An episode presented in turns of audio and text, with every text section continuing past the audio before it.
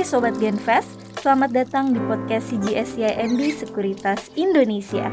Di sini kita akan membahas seputar pasar modal, update investasi saham, dan juga tips and trik investasi saham untuk milenial. Stay tune terus ya di podcast Berani Berinvestasi bersama CGSYMB Sekuritas Indonesia. Hai guys, kembali lagi di podcast Berani Berinvestasi bersama CGS CIMB Sekuritas Indonesia. Kali ini bersama saya Aji Kurniawan dan kali ini kita kedatangan tamu spesial. Nah, di tengah-tengah kita ada Arka nih. Nah, kita sapa aja yuk. Hai Arka, apa kabar? Baik, baik Aji. Oke, thank you banget nih udah bisa kesempatan untuk uh, hadir ya uh, di podcast uh, kita. Dan kita akan ngobrolin apa? Kita akan ngobrolin tentang uh, stimulus uh, properti yang uh, baru aja diluncurkan oleh pemerintah. Nah, karena Arka ini adalah uh, properti ya, retail dan teknologi analis dari CGS CIMB Sekuritas Indonesia. Nah, kita langsung aja nih tanya-tanya uh, ke Arka ya. Nah, Kak, jadi pemerintah ini kan baru aja nih meluncurkan uh, stimulus properti ya. Nah, mungkin boleh diceritain detailnya ini seperti apa sih ke sobat Genfest? Ya, jadi untuk pemotongan uh, PPN-nya itu untuk stimulus properti uh, akan diberlakukan untuk rumah yang harganya sampai 5 miliar. Jadi kalau untuk yang harganya 2 miliar akan mendapatkan uh, PPN pemotongan PPN sebesar 100%. Tapi kalau misalkan yang untuk harganya di di atas 2 miliar sampai 5 miliar, maka uh, akan dipotongnya itu hanya sampai 2 miliar saja untuk PPN-nya. Jadi maksimal sebesar 220 juta atau 11%. Nah, um, kalau misalkan kita melihat properti mana yang paling diuntungkan, sebenarnya stimulus ini itu sangat positif untuk semua uh, properti developer. Um, cuman kalau misalkan kita melihat dari yang sebelumnya nih, tahun 2021 dan juga 2022, ini kan sudah diberlakukan stimulus yang kurang lebih mirip ya dengan sekarang. Um, pre-sales ataupun marketing sales uh, untuk property developer ini naik dari sekitar 14% sampai dengan uh, hampir 60% dari year on year growth-nya dari tahun 2020 ke 2021. Nah, jadi ketika melihat itu sebenarnya kita melihat uh, berpikir kalau misalkan Ciputra itu salah satu yang di yang paling diuntungkan. Kenapa? Karena Ciputra itu rumahnya uh, di range harga yang yang berdekatan dengan 2 sampai 5 M itu sih. Nah, thank you banget Tika atas penjelasannya ya. Jadi teman-teman tadi udah tahu ya gimana dampaknya ke emiten uh, properti, kemudian siapa nih yang paling diuntungkan. Nah, next pertanyaan yang berikutnya adalah uh, selain uh, katalis uh, dari pro, uh, properti tadi ya. Nah, tentunya gimana sih Kak Arka melihat uh, kinerja kuartal 3 2023 yang baru aja rilis dari sektor uh, properti? Ya, jadi kalau untuk ekspektasi market itu sendiri, sebenarnya uh, berekspektasi akan ada normalisasi dari kinerja untuk tahun ini. Terutama ketika, ketika uh, market melihat kalau 2022 itu sudah high base ya.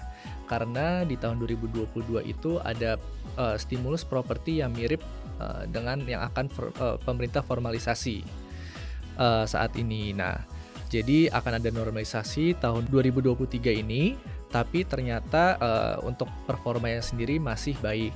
Untuk summarize saja, sebenarnya semua masih inline bahkan ada beberapa yang um, masih di atas ekspektasi dari market.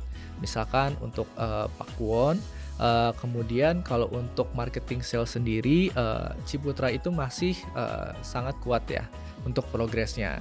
Uh, kemudian untuk BSD juga masih kuat, cuman mungkin yang masih di agak di bawah dari ekspektasi market itu adalah Sumarekon. Oke, thank you nih Arka ya sedikit ulasan ya di kuartal uh, 3 2023 kinerjanya seperti apa. Dan next uh, katalis yang uh, tentunya bisa mendukung ya uh, eh, kinerja properti ini bisa terus positif ini apa nih Kak? Ya, kalau secara fundamental pasti kita melihat formalisasi stimulus dari pemerintah itu akan sangat berdampak positif uh, ke properti.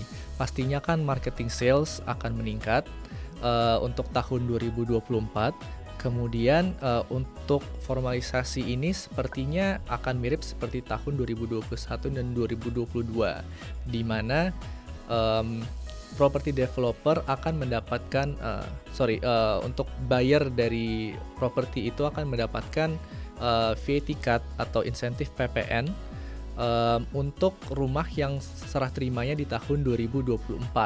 Jadi yang udah in, yang sudah inventory ready stock. Nah, kalau inventory ready stock artinya mereka bisa langsung membukukan revenue pada tahun itu.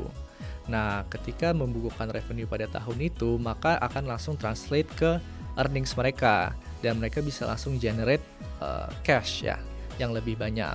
Nah, jadi itu untuk uh, stimulus apa katalisnya secara fundamental.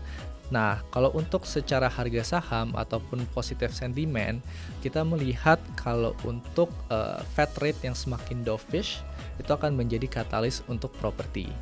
Uh, kenapa? Karena ketika interest rate-nya itu sekarang sedang naik, itu sebenarnya menjadi sentimen yang negatif lah untuk market. Nah, ketika Fed rate itu mulai stable dan kemudian ada mungkin turning point ya nah itu akan berdampak uh, positif lah katalisnya untuk saham-saham properti Oke, thank you banget nih Arka ya. Tadi jadi udah dijelasin ya sobat Genvest ya. Uh, tadi katalisnya secara long term fundamentalnya yang uh, positif untuk uh, sektor emiten properti. Nah, pertanyaan yang berikutnya adalah saham apa nih yang jadi topik dari CGSCMB. Nah, mungkin sobat Genvest udah nggak sabar nih ingin tahu sahamnya apa aja. Iya. Jadi mungkin kita melihat dulu ya secara valuasi. Sebenarnya sektor properti ini uh, valuasi uh, price to earnings ratio-nya sudah salah, sudah yang paling rendah uh, dalam waktu 11 tahun ini. Nah, jadi uh, sebenarnya untuk properti-properti developer sahamnya itu sangat menarik. Um, tapi mungkin topiknya dari kita saat ini adalah Ciputra dan juga Pakuwon. Kenapa? Uh, kalau untuk Ciputra sendiri kita melihatnya secara long term ya untuk return on uh, equity ataupun ROI-nya ya uh, yang dimiliki dari Ciputra akan uh, perlahan-lahan akan menaik. Uh, kemudian untuk uh, recurring income ataupun yang uh, pendapatan yang didapat dari dari mall ataupun hotel itu akan semakin besar proporsinya. Nah, jadi pendapatannya itu akan lebih stable gitu. Nah, kalau untuk Pakuan memang untuk valuasinya sendiri sudah cukup rendah. Saat ini kita melihatnya secara forward looking ya. Kemudian uh, untuk recurring income-nya sendiri uh, Pakuan itu salah satu yang paling besar. Jadi uh, untuk uh, foreign investor ataupun investor luar akan lebih uh, suka lah dengan Pakuan. Oke, jadi tadi udah di spill ya Sobat Genvest ya Saham-saham apa yang jadi topik dari CGSMB langsung dikasih tahu oleh Arka. Dan tentunya thank you banget nih Arka ya Udah berkenan uh, ngobrol-ngobrol di podcast kita ya. Sampai jumpa di podcast kita uh, berikutnya ya. Dan tentunya teman-teman jangan lupa untuk nonton podcast Berani Berinvestasi di CGSMB Sekuritas Indonesia. Kalau kalian nggak mulai dari sekarang, kapan lagi? Dah